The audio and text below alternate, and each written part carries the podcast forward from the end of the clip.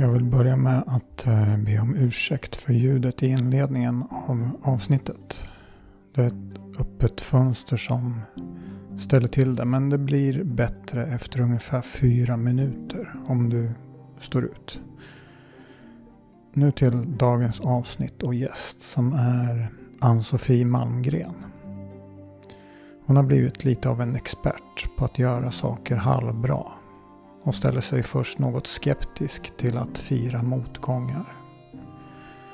Vi har ett samtal om fysiska och psykiska formkurvor och funderar också över betydelsen att ha tur.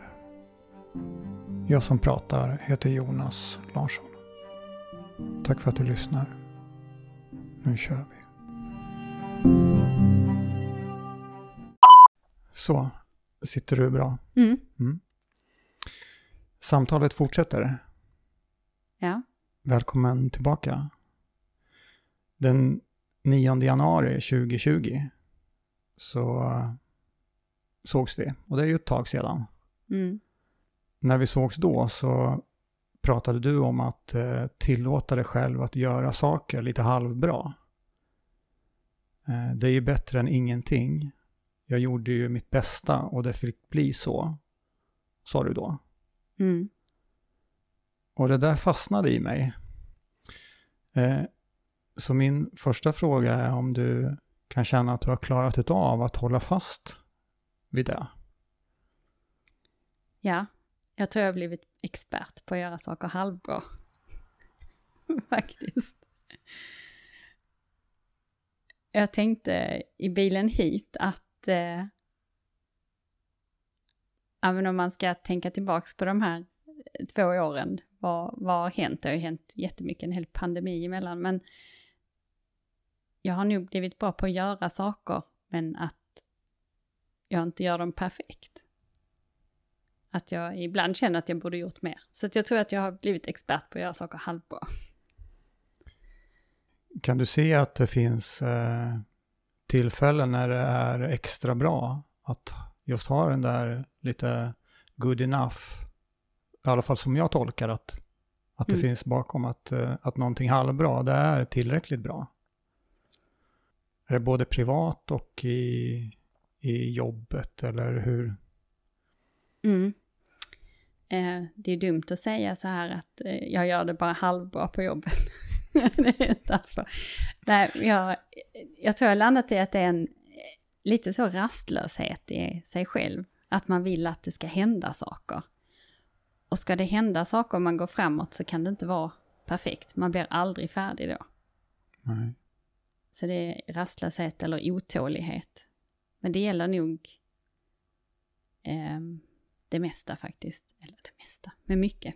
Mm. Tycker du att du själv är en otålig person? Jag blir det nog mer och mer. Eller nej, det har jag nog alltid varit. Ja. Ja, men jag vill att det ska hända saker. Mm. Men jag var nog mer en perfektionist förr. Så det är kanske skönt att se att man utvecklas framåt. Sen vet jag inte om det är till det bättre eller det sämre. Men det händer Nej, något det, kan, nog- det kan kanske vara olika. Att, att ibland i vissa situationer så är det bra att eh, kunna känna att det är viktigare att göra någonting än att det blir just perfekt. Mm, Och sen ibland kan i alla fall jag uppleva att det finns någonting skönt i att ge någonting tid. mm, Eh, och att ibland så blir det en ty- att jag får en tydlig känsla av att jag vill jobba med någonting ett tag till. Även om jag skulle kunna anse att ja, men det här är tillräckligt bra. mm. Ja, vissa saker behöver ju mer tid och mogna och... Ja, svårigheten är kanske Mm. just att avgöra när eller vad, Mm, vid vilket tillfälle. För ofta, ofta så, i alla fall om man pratar eh, om, om eh, kanske inte livet i stort, men om man pratar om utveckling kopplat till olika saker som vi vill eller försöker åstadkomma. Då brukar man ju ofta prata om eh, tempo eller hastigheten som en, en bra faktor. mm, Samtidigt som vissa saker tar ju tid att utveckla också. mm. Men allting går ju alltid att rätta till på vägen, tänker jag.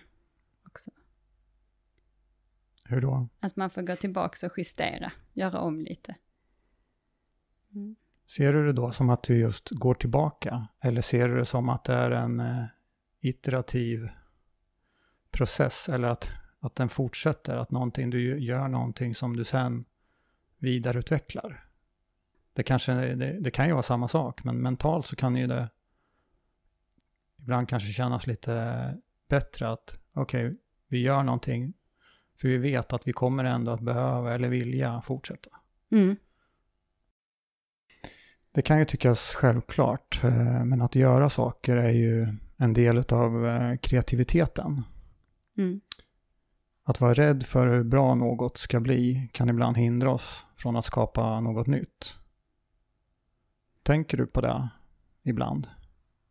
Ja, det är ju en risk man tar i allt man gör. Eh, när man gör något, eller när jag gör något så har jag ofta en vision hur jag tror att det ska bli, eller som jag vill att det ska bli. Eh, som förhoppningsvis är ganska realistisk och så får man ju jobba mot det och sen så justera på vägen. Sen är det ju inte allt som blir superbra eller perfekt eller så som man hade tänkt att det skulle mm. bli. Men det blir kanske något annat. Kan du känna ibland att du är ja, rädd för hur, hur någonting eller hur bra någonting ska bli? Kopplat till just att skapa någonting nytt. Oftast inte tror jag. Det är klart man, det finns ju alltid en sån risk att ja, men jag vill inte göra bort mig eller jag vill inte... Fast gör man något som inte blir bra så får man ju bara liksom erkänna att okej, okay, det blev inte som jag hade tänkt mig. Eller, sen beror det ju på också vad man sätter på spel. Mm. Om det är en själv eller många andra eller så. Men jag är oftast väldigt beroende av andra och göra saker tillsammans.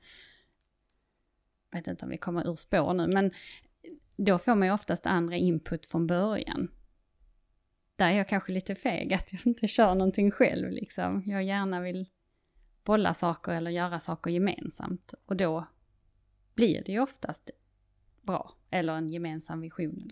Mm. Men skulle det kunna vara då att, att äh, rädslan eller rädslorna minskar just när du gör det tillsammans med andra?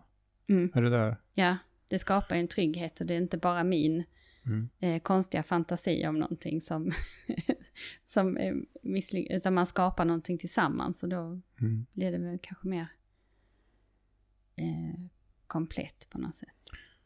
Ibland kan jag tänka på, eh, i olika tillfällen så gör jag en liknelse till Kinderägg. Och eh, jag tänker att om, om vi tar kreativitet, eh, rädslor och mod, så skulle det kunna vara ett Kinderägg. Att det är, att det är delar som ofta eh, finns med eller kanske till och med behöver vara med. Om vi nu ska göra någonting nytt. Jag vill ju inte plantera påstående i dina tankar. Så kanske egentligen var det att, att jag själv kan känna att, att eh, jag ibland är rädd för att våga eller vad, hur, hur bra någonting ska bli om jag skapa någonting nytt. Och att det finns, eh, jag är medveten om att jag samtidigt behöver våga för att det just, om det ska bli ett Kinderägg då, om vi får mm. ha den liknelsen. Mm. Många gånger så blir det så, åh nej, varför har jag gjort det här? Eller varför har jag tänkt att jag ska göra det här? Det, så. Mm. Men det är väl en sån panikkänsla som kommer. Men sen samtidigt så har man ju kanske satt igång någonting som man bara måste genomföra. Mm. Måste? Ja. Hur, kan du utveckla det? Om du har satt igång någonting? Ja, men då, jag tycker att man eh, bör genomföra. Sen inte till vilket pris som mm. helst, men oftast är det ju inte kanske så stora grejer. Men då kan man känna en sån, åh oh, nej. Eh, men sen bara, nej men det är bara att köra och så får man se och så Ja. Men om du gör någonting tillsammans med andra som du beskrev, mm. kan du känna, om jag, om jag försöker hålla fast lite grann med det här Kinderägget, mm. kan du känna då att uh, utav då tre delar som är, om det skulle vara kreativitet och mod och rädslor. Skulle du kunna känna att vilken del utav de tre sakerna bidrar du mest med? Om det är någonting nytt som du gör tillsammans med andra. Ja, men det måste nog vara någon kombination av kreativitet och mod. Mm. Att andra ofta triggar igång en kreativitet, men det är kanske ofta, jag tänker på vissa sammanhang vi har ju, där vi har testat nya grejer, liksom att då kan jag nog vara ganska pushig på att att nej men det är rätt enkelt, vi bara kör. Så. Eh, jag tror inte jag står för så mycket rädsla, det kommer Nej. kanske när det är dags. Eller efteråt, det är också en sån, åh nej, men ja. Det finns ju i alla fall en, en utmaning ibland att om vi vill testa nya saker. Det kan vara, det kan vara jobbigt och det kan ta tid. Eller hur? Mm. Eh, och samtidigt så är det kul. Men har, har du hittat någon modell för hur du resonerar när du vill göra någonting? För att exempelvis om du känner om du har tid att göra någonting eller om du har tid att prioritera och göra någonting. Hur kommer du fram till, till den slutsatsen? oftast så uppstår det ju inte av att man har tid över, utan ofta så dyker ju saker och ting upp på vägen. Så det är ofta när man har som mest att göra som, som saker dyker upp som man vill haka på eller sätta igång, som ofta tar tid som man kanske inte har fast man hittar tid. Så oftast är det ju inte så genomtänkt liksom att okej, nu hade jag velat, finns det utrymme? Nej. Du känner inte att du har en, eh, ett tydligt sätt att uh, se, tänka igenom dig för att komma fram till om du ska säga ja eller nej, exempelvis. Nej. Det, det mesta som händer händer ju ofta spontant. Det kan ju vara en sån input att tänka igenom lite mer. För det är ofta då de roliga grejerna händer. Mm. Att man känner att ja, men det här vill man vara med på eller det här vill man göra någonting. Ja. Men eh, kan du uppleva att det är svårt ibland?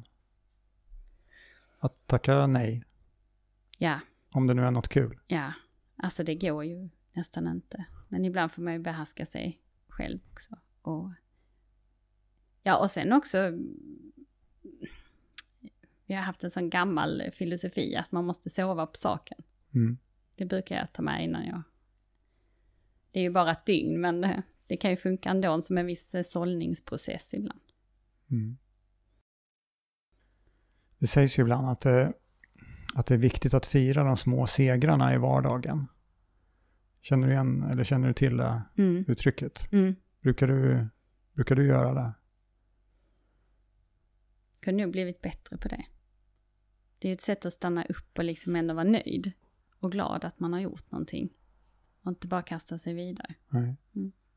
Är du medveten om, finns det i vardagen att, att se de här små så kallade segrarna?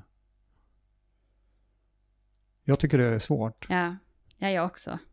Det är alltid någonting annat som pockar på eller som man kanske inte är så nöjd med. Eller som Nej. man kan... Det blir liksom som en bock på en lista nästan. Ja. Fast man borde stannat upp och... För ibla- ibland kan jag känna att jag har lättare för att eh, inte fira, men att, eh, att saker och ting som jag är tacksam över, att jag kan se Mm. i vardagen. Och det, jag vet inte om det kanske skulle kunna vara en anledning till att jag i, i, i grunden, jag, jag känner inte så ofta att jag har ett behov av att fira små segrar. Däremot så kan jag känna att det, det gör skillnad när jag klarar av att se ja, bra saker eller saker som jag är tacksam över. Mm. Jag vet inte om det kanske skulle finnas ett, ett samband där. Ja. Att man mer uppskattar saker som kanske inte är en... Nej, som bara finns. Ja, som Som bara är- finns. Alltså ja. som, som är, det, det är inte en seger att, eh, att frukosten eh, vara god. Mm. Eller att jag njuter av att äta frukost, Mm. till exempel. Det var kanske inte så bra exempel, men, men att jag kan se saker och ting som finns och som existerar, som inte handlar om... En seger är ju i regel kopplat till en prestation, Mm. inte någonting som bara existerar eller redan finns, Mm. kanske. Det känns ju lite mer värdefullt tycker jag. Jag vet inte, eller så är jag Mm. dålig på att fira bara. Skulle också kunna. Men har du, har du firat en motgång någon gång? nej, det tror jag inte. Eh, nej. Om vi ska tillåta oss själva att eh, tänka på frågan då, utifrån ett kreativt perspektiv. Och vad tänker du då? Alltså, ha, skulle vi kunna ha någonting att vinna på att eh, inte bara fokusera på att fira framgångar? Mm. Jag tycker eh, många så företagsslogans och så, eller tankesätt, det är ju att man ska våga misslyckas, för det är då man kommer framåt liksom. Men det är ju kanske få företag som bjuder på tårta när man har klantat sig, eller...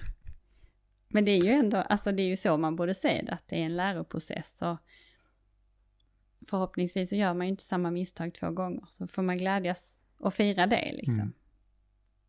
Mm. Det är nog lättare att fira misstag. de, de är ganska tydliga. Ja, det här blir inte alls bra. Nej. Nej.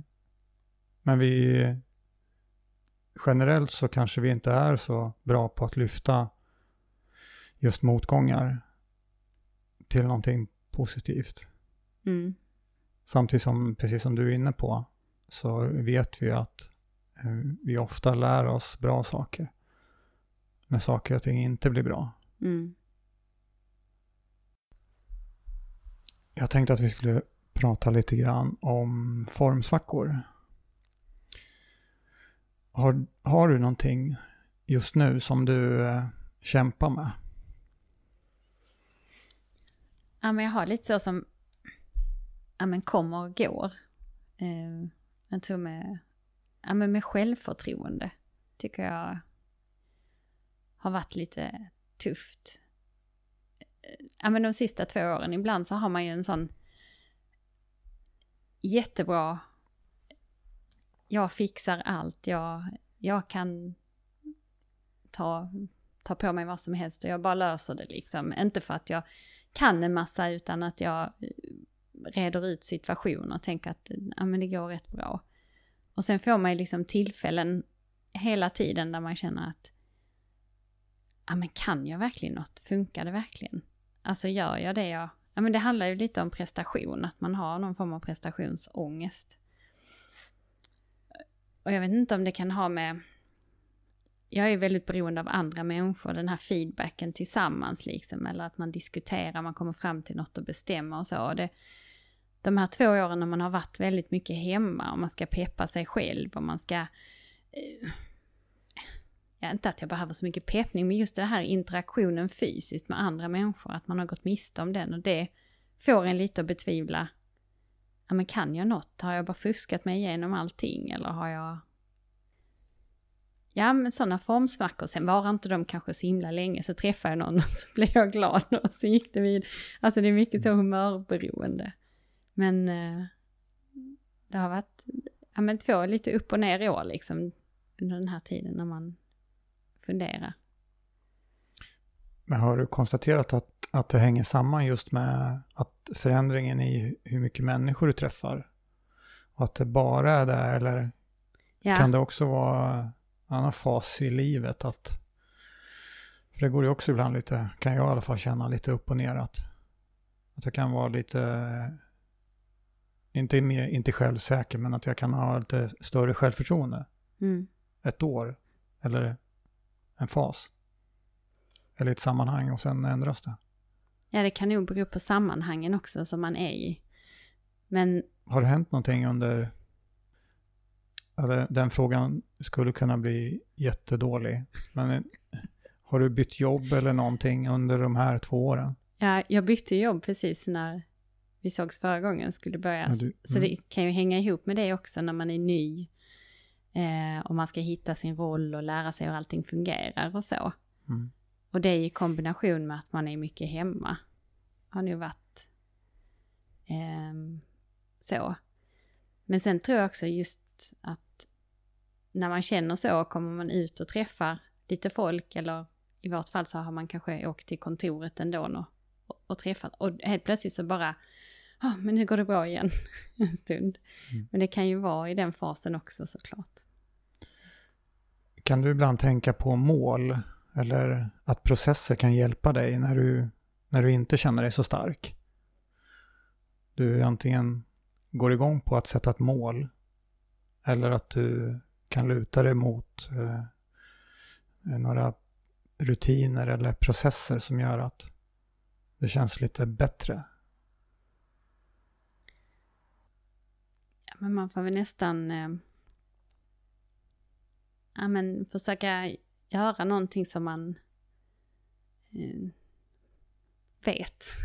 Mycket är ju ganska styrt ändå, så det är klart att man kan eh, lita sig tillbaks på, på liksom sådana saker. Um. Att du känner igen att du, du har varit med mm. om det tidigare? Mm.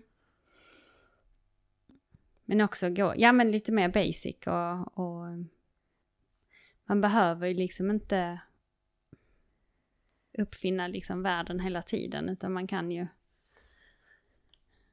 um, Tycker du att du har blivit eh, klokare på det sättet eller på det området? Att du, att du, vi var ju inne på det tidigare, det, har ing, det här har ingen koppling till eh, att misslyckas, men det är ändå att använda erfarenheterna ifrån att kanske tidigare ha känt att du inte har varit så, lika stark som vanligt. Eller att det har varit lite tungt. Kan du använda de tidigare erfarenheterna då när, om du känner så igen? Ja men det är nog mer att man tänker tillbaka liksom att eh, nej men det kan ju, det gick ju bra och att man fortsätter. Det är lätt att man fastnar där man är och bara tycker att det här är jag inte så bra på. Liksom. Men då får man ju tänka allt annat. Ändå, för man har ju ändå levt ganska länge och man har rätt mycket saker med sig och och tänka tillbaks. Ja men det är väl lite så. Komma mm. ihåg gamla positiva erfarenheter som man får plocka upp. Ja men det där var bra. Uh, så. Men, uh, ja, men ibland slås man över, det är lite skrämmande så att man, det är väl där rädslorna kommer in kanske, att man bara tänker, ja men kan jag verkligen det här? Mm. Om vi pratar, eller säger formkurva, hur är, hur är den då? Just nu, eh, när, om, där, om vi kan se två delar av den formkurvan. Det ena är den fysiska formen och den andra är den psykiska. Två, om vi delar upp dig. I två delar. ja, det lät, det, det lät bra. uh, nej, men jag tror det, jag tror min psykiska formkurva går väl lite som en sån eh, snirklande bana. Och eh, den fysiska tycker jag ändå funkar bra. Den är något ja. bättre? Ja, den är nog något bättre. Jag har mm. blivit lite bättre på att vara ute och träna och, och ta mig ut. Händer det ibland att du ser på din psykiska form då, som att det är någonting som du skulle kunna träna? Det borde man ju kunna göra. Jag tror inte... Det är den där eftertanken jag borde mm. ha lite mer. Den finns inte med då när du, när du tränar fysiskt? Att, Nej. Eh, är det är det helt blankt då? då är det helt blankt. Då är det bara...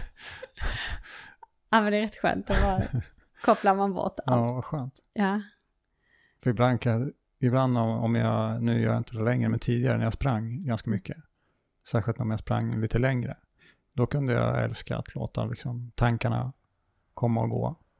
Eh, och även, alltså det, men, man ska se det som en slags mental träning, men att reflektera om, över saker och ting när jag sprang. Mm. Men ibland när jag tränar och gör andra saker så är det precis som du beskriver, det är helt blankt. Jag tänker inte på någonting. Nej. Men eh, det, kanske, det kanske finns någonting där. Att Mm. eh, om vi nu ser att vi eh, kan träna eller eh, vill må bra, både fysiskt och psykiskt. Och att om vi nu inte tror att, det, att vi kan slippa att ta hand om oss så att säga. Be, vi behöver ju inte se det som träning i och för sig. Det kan ju vara, kan ju vara någonting annat. Mm. Hur många timmar sover du när du sover en bra natt? Sju, åtta. Mm. Jag tänkte med tiden, eller när man blir äldre så ska man ju sova mindre. jag tycker jag blir mer beroende av sömn, liksom. eh, Tiden som går. Är, den- är den viktigare nu alltså? Ja, Mm. jag tycker det. När barnen var små kunde man ju klara vad som helst liksom. Varit uppe en hel natt och ändå så kunde man gå till jobbet. Mm. Sen vet jag inte om man gjorde ett så bra jobb, men man överlevde liksom. Nu, om man sover lite dåligt så, oj. Nej. Föredrar du att gå och lägga dig vid samma tid ungefär? Nej, det spelar ingen roll egentligen.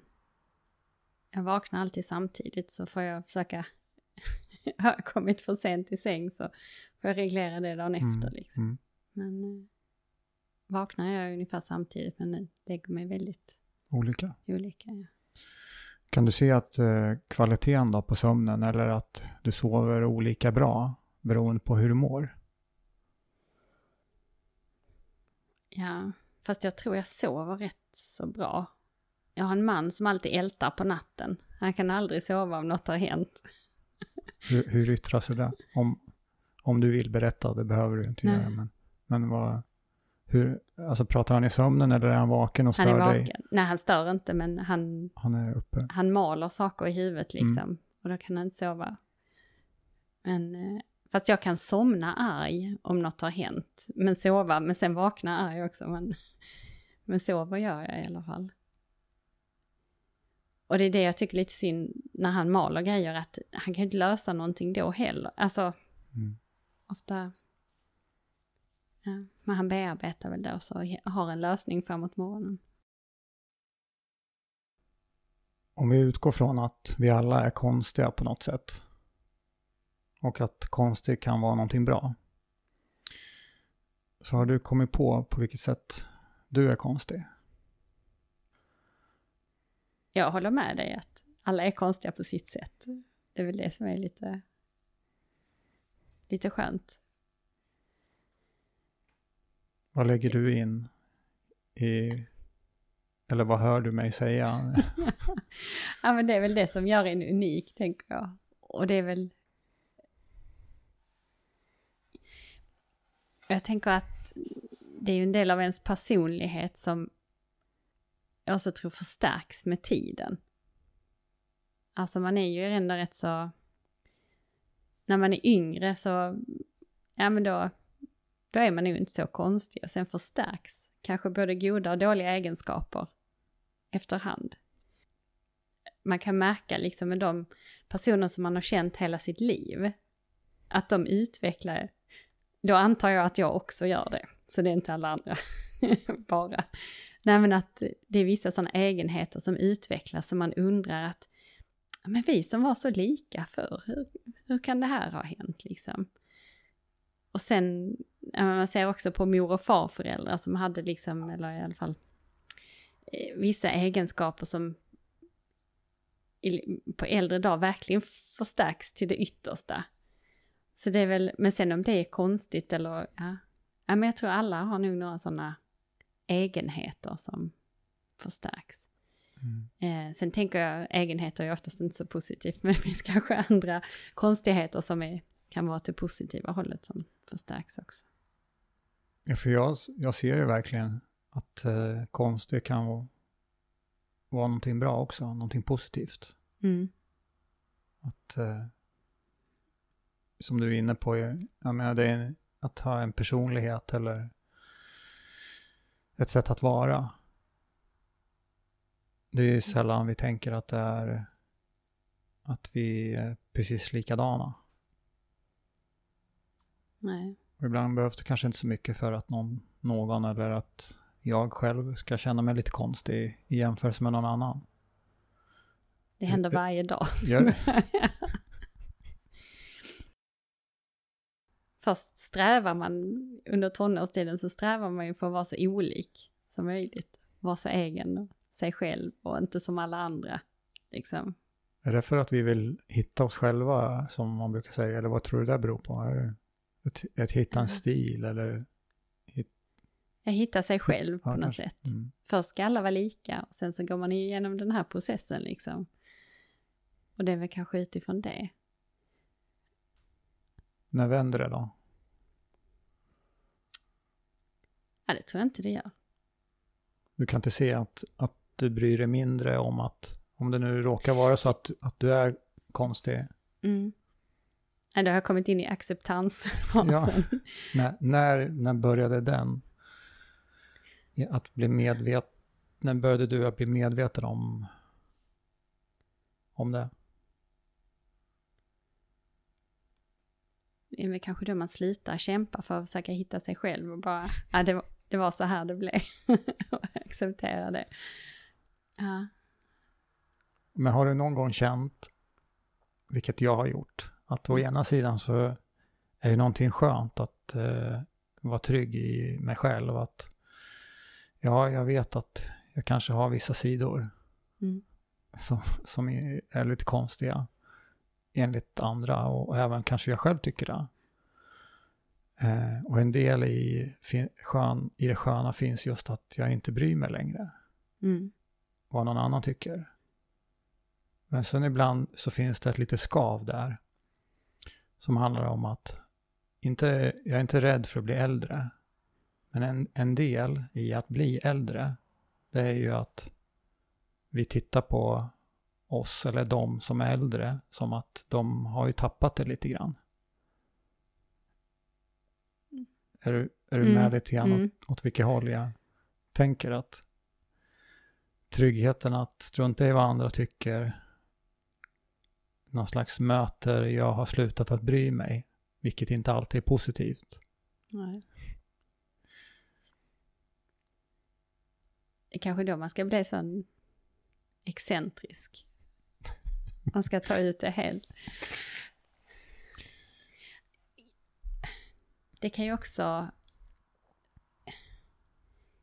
Det kan ju finnas ett socialt skav när man är i den här gyllene medelåldern, att man ändå ska värdesätta vissa grejer. Alltså så att man kan känna sig annorlunda ibland, liksom när man inte eh, tänker eller resonerar eller har samma värderingar så.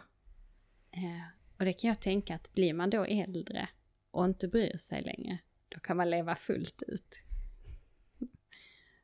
Ja, men för jag tycker, det finns väl någonting lockande i det. Ja, Samtidigt som eh, jag vill ju inte att det ska vara lika med att jag inte, eller att vi, att vi, vi, vi vill ju anstränga oss för det. Men kanske inte för att passa in. nej, Eller för att eh, alla ska tycka att vi är helt normala. Det är snarare att vi kanske kan hylla eh, våra, våra originella sidor. mm, En slags lugn och trygghet i att eh, ja, jag fattar att jag är konstig och jag tycker om det. mm, Och jag tycker om att du är konstig också. För det gör det enklare för mig att acceptera mig själv. mm. Men vi, vi pratar om ålder. Hur ser du på andras ålder? Om vi börjar där. Det är väl kopplat till ens egen eh, syn på att man inte tror att man har åldrats. Kanske. När man träffar, oh, ja men jag är lite rädd för det för att jag tycker man fortfarande känner sig som man inte är vuxen. Eh, fast det är man ju i allra högsta grad liksom. Och när man träffar, det är säkert så för alla man träffar liksom kanske gamla klasskompisar så, så bara oj, oj vad de så vuxna ut eller äldre ut. Och sen inser man, kommer den hemska upptäckten att det gör ju jag också. Det är svårt att känna igen sig själv lite för man tycker rent mentalt så är man ju um, samma. Mm. Fast ut, skalet är annorlunda på något sätt. Ty, tycker du att det är fint att åldras? Ja, alltså jag tycker det är ju en väg man ska gå. Och det vill man ju göra liksom med någon form av ja, men, ro och trygghet i sig själv. Att, och acceptans av sig själv. Och det, det kanske har med det här med egen, ja men så här är jag. Eh, att man har accepterat sig själv och, och låter sig bara hänga med. Men det är ju läskigt liksom. Man... Alltså jag tänker så, så länge barnen är små så är man ung. Och sen börjar de bli äldre och så... Ja. Vill du berätta hur gamla de är? De är 9 och 12. Ja. Tycker du att de är små? Eller hur, vad, vilken ja, de är fas är de inne i just nu? Mellansmå. Mellansmå. Mm. Eh, Så än så länge så är det ju rätt så lugnt men... men Så du, du, är, du är inte i riskzonen att bli gammal riktigt än? Nej, jag har nu tre år på mig kanske.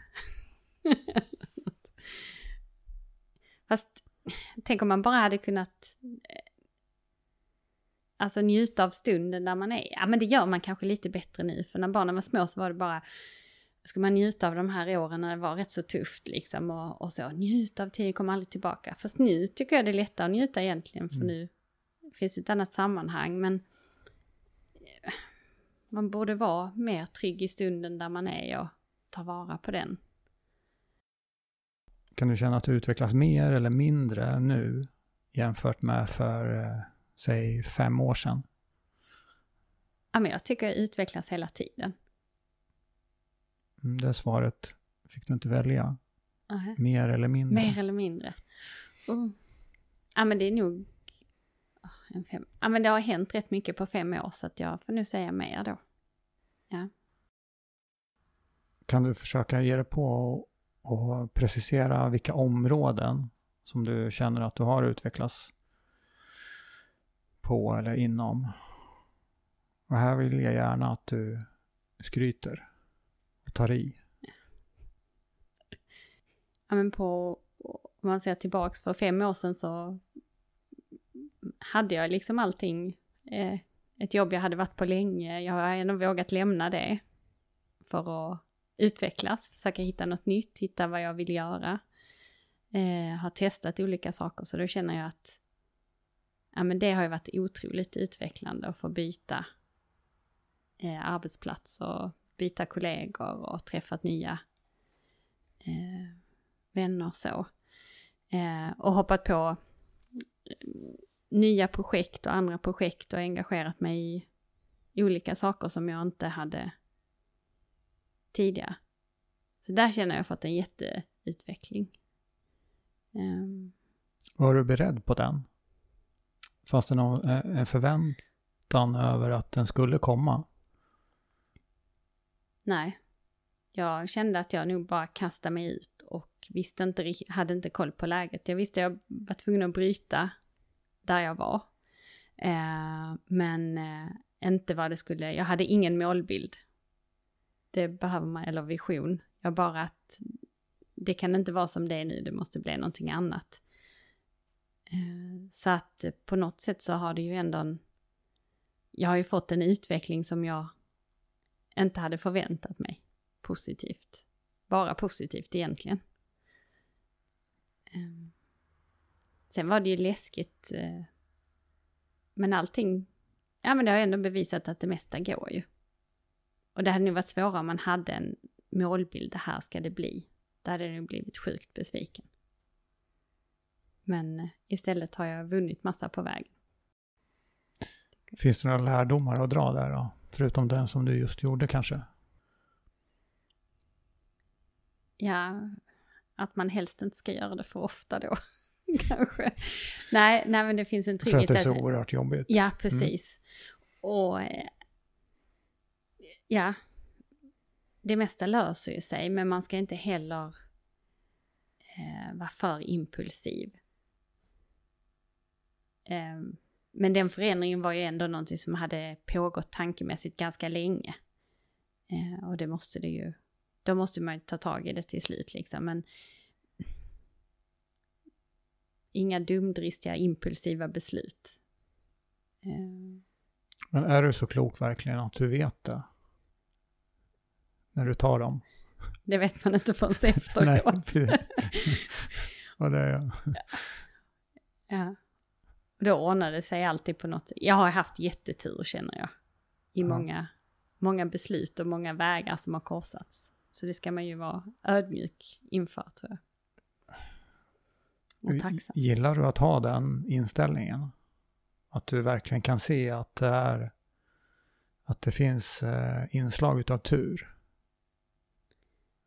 Ja, Alltså kopplat till att eh, ja, du har gjort saker och försökt göra saker.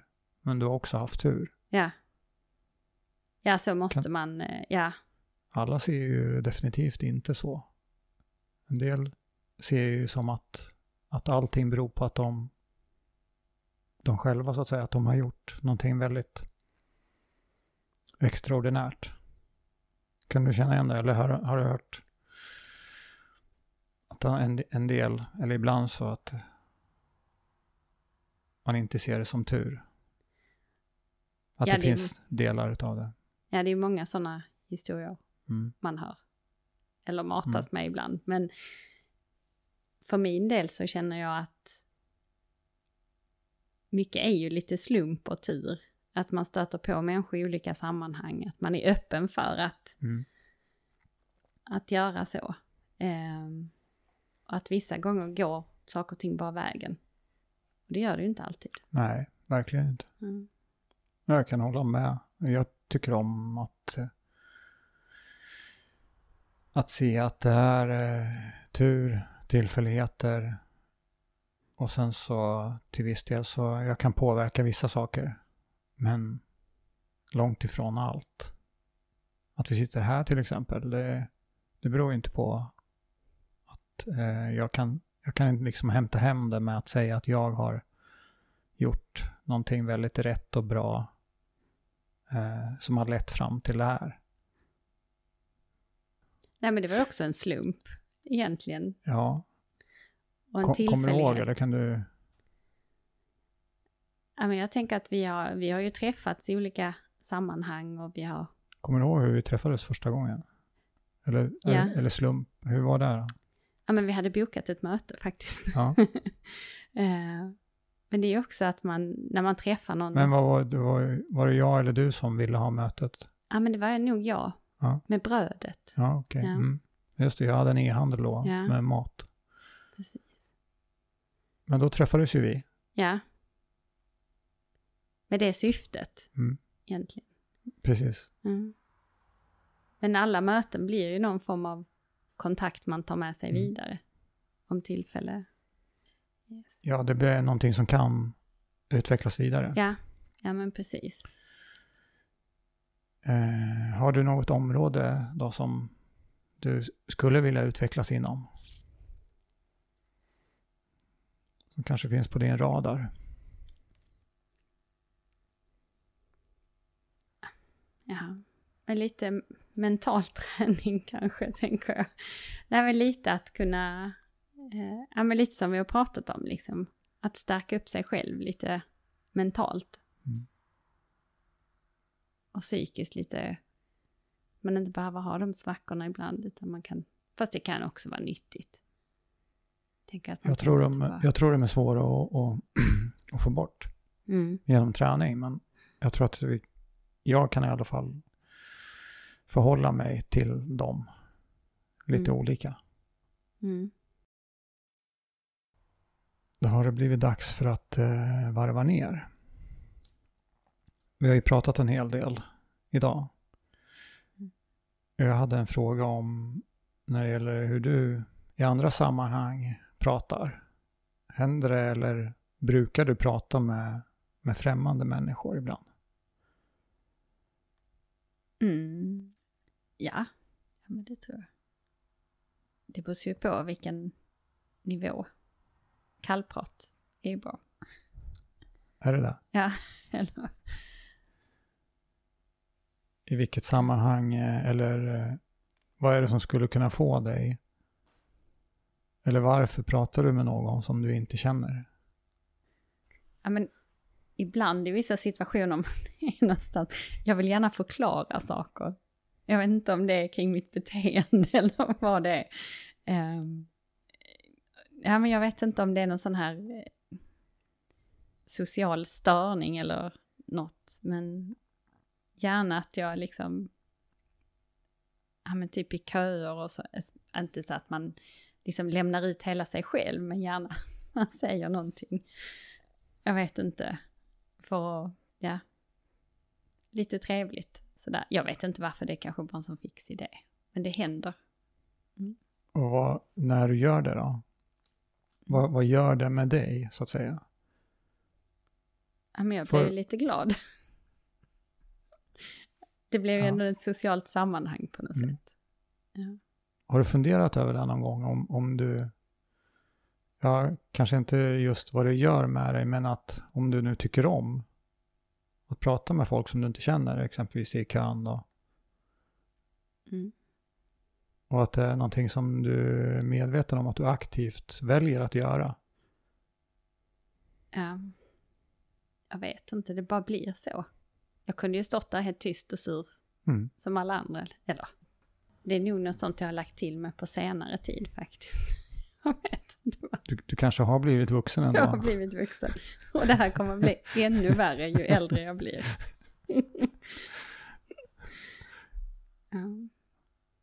Men kan du se att det finns någonting positivt i det?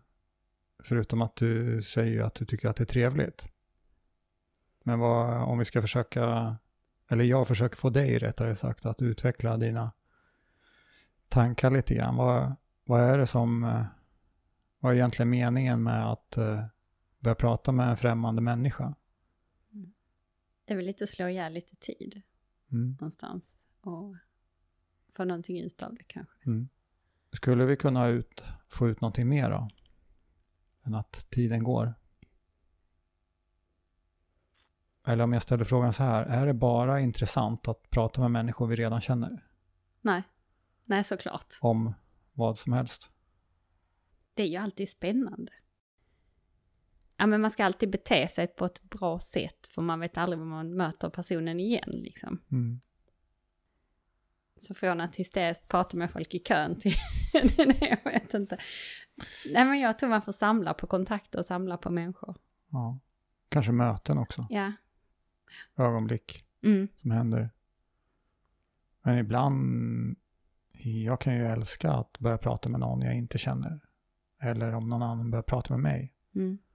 Men det är inte så att det kategoriskt är så.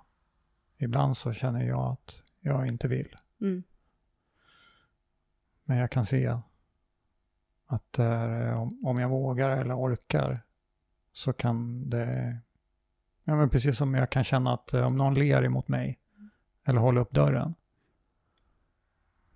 ja, eller vad det nu än må vara, så, eh, så även fast det är någon, någon som jag absolut inte känner som gör det, så kan jag märka att det påverkar mig positivt. Mm. Att jag får, det ger mig någonting. Ja, precis. Hur tycker du att samtalet har varit idag? Bra. Eh, Lite annorlunda än förra gången.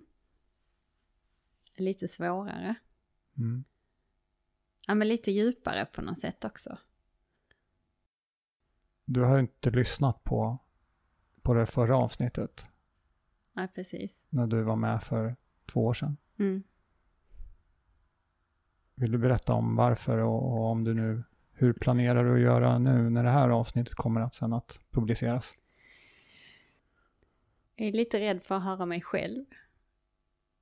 Det är lite så, åh nej, sa jag det? Men eh, jag kanske ändå ska utmana mig själv och lyssna på det gamla avsnittet och det nya.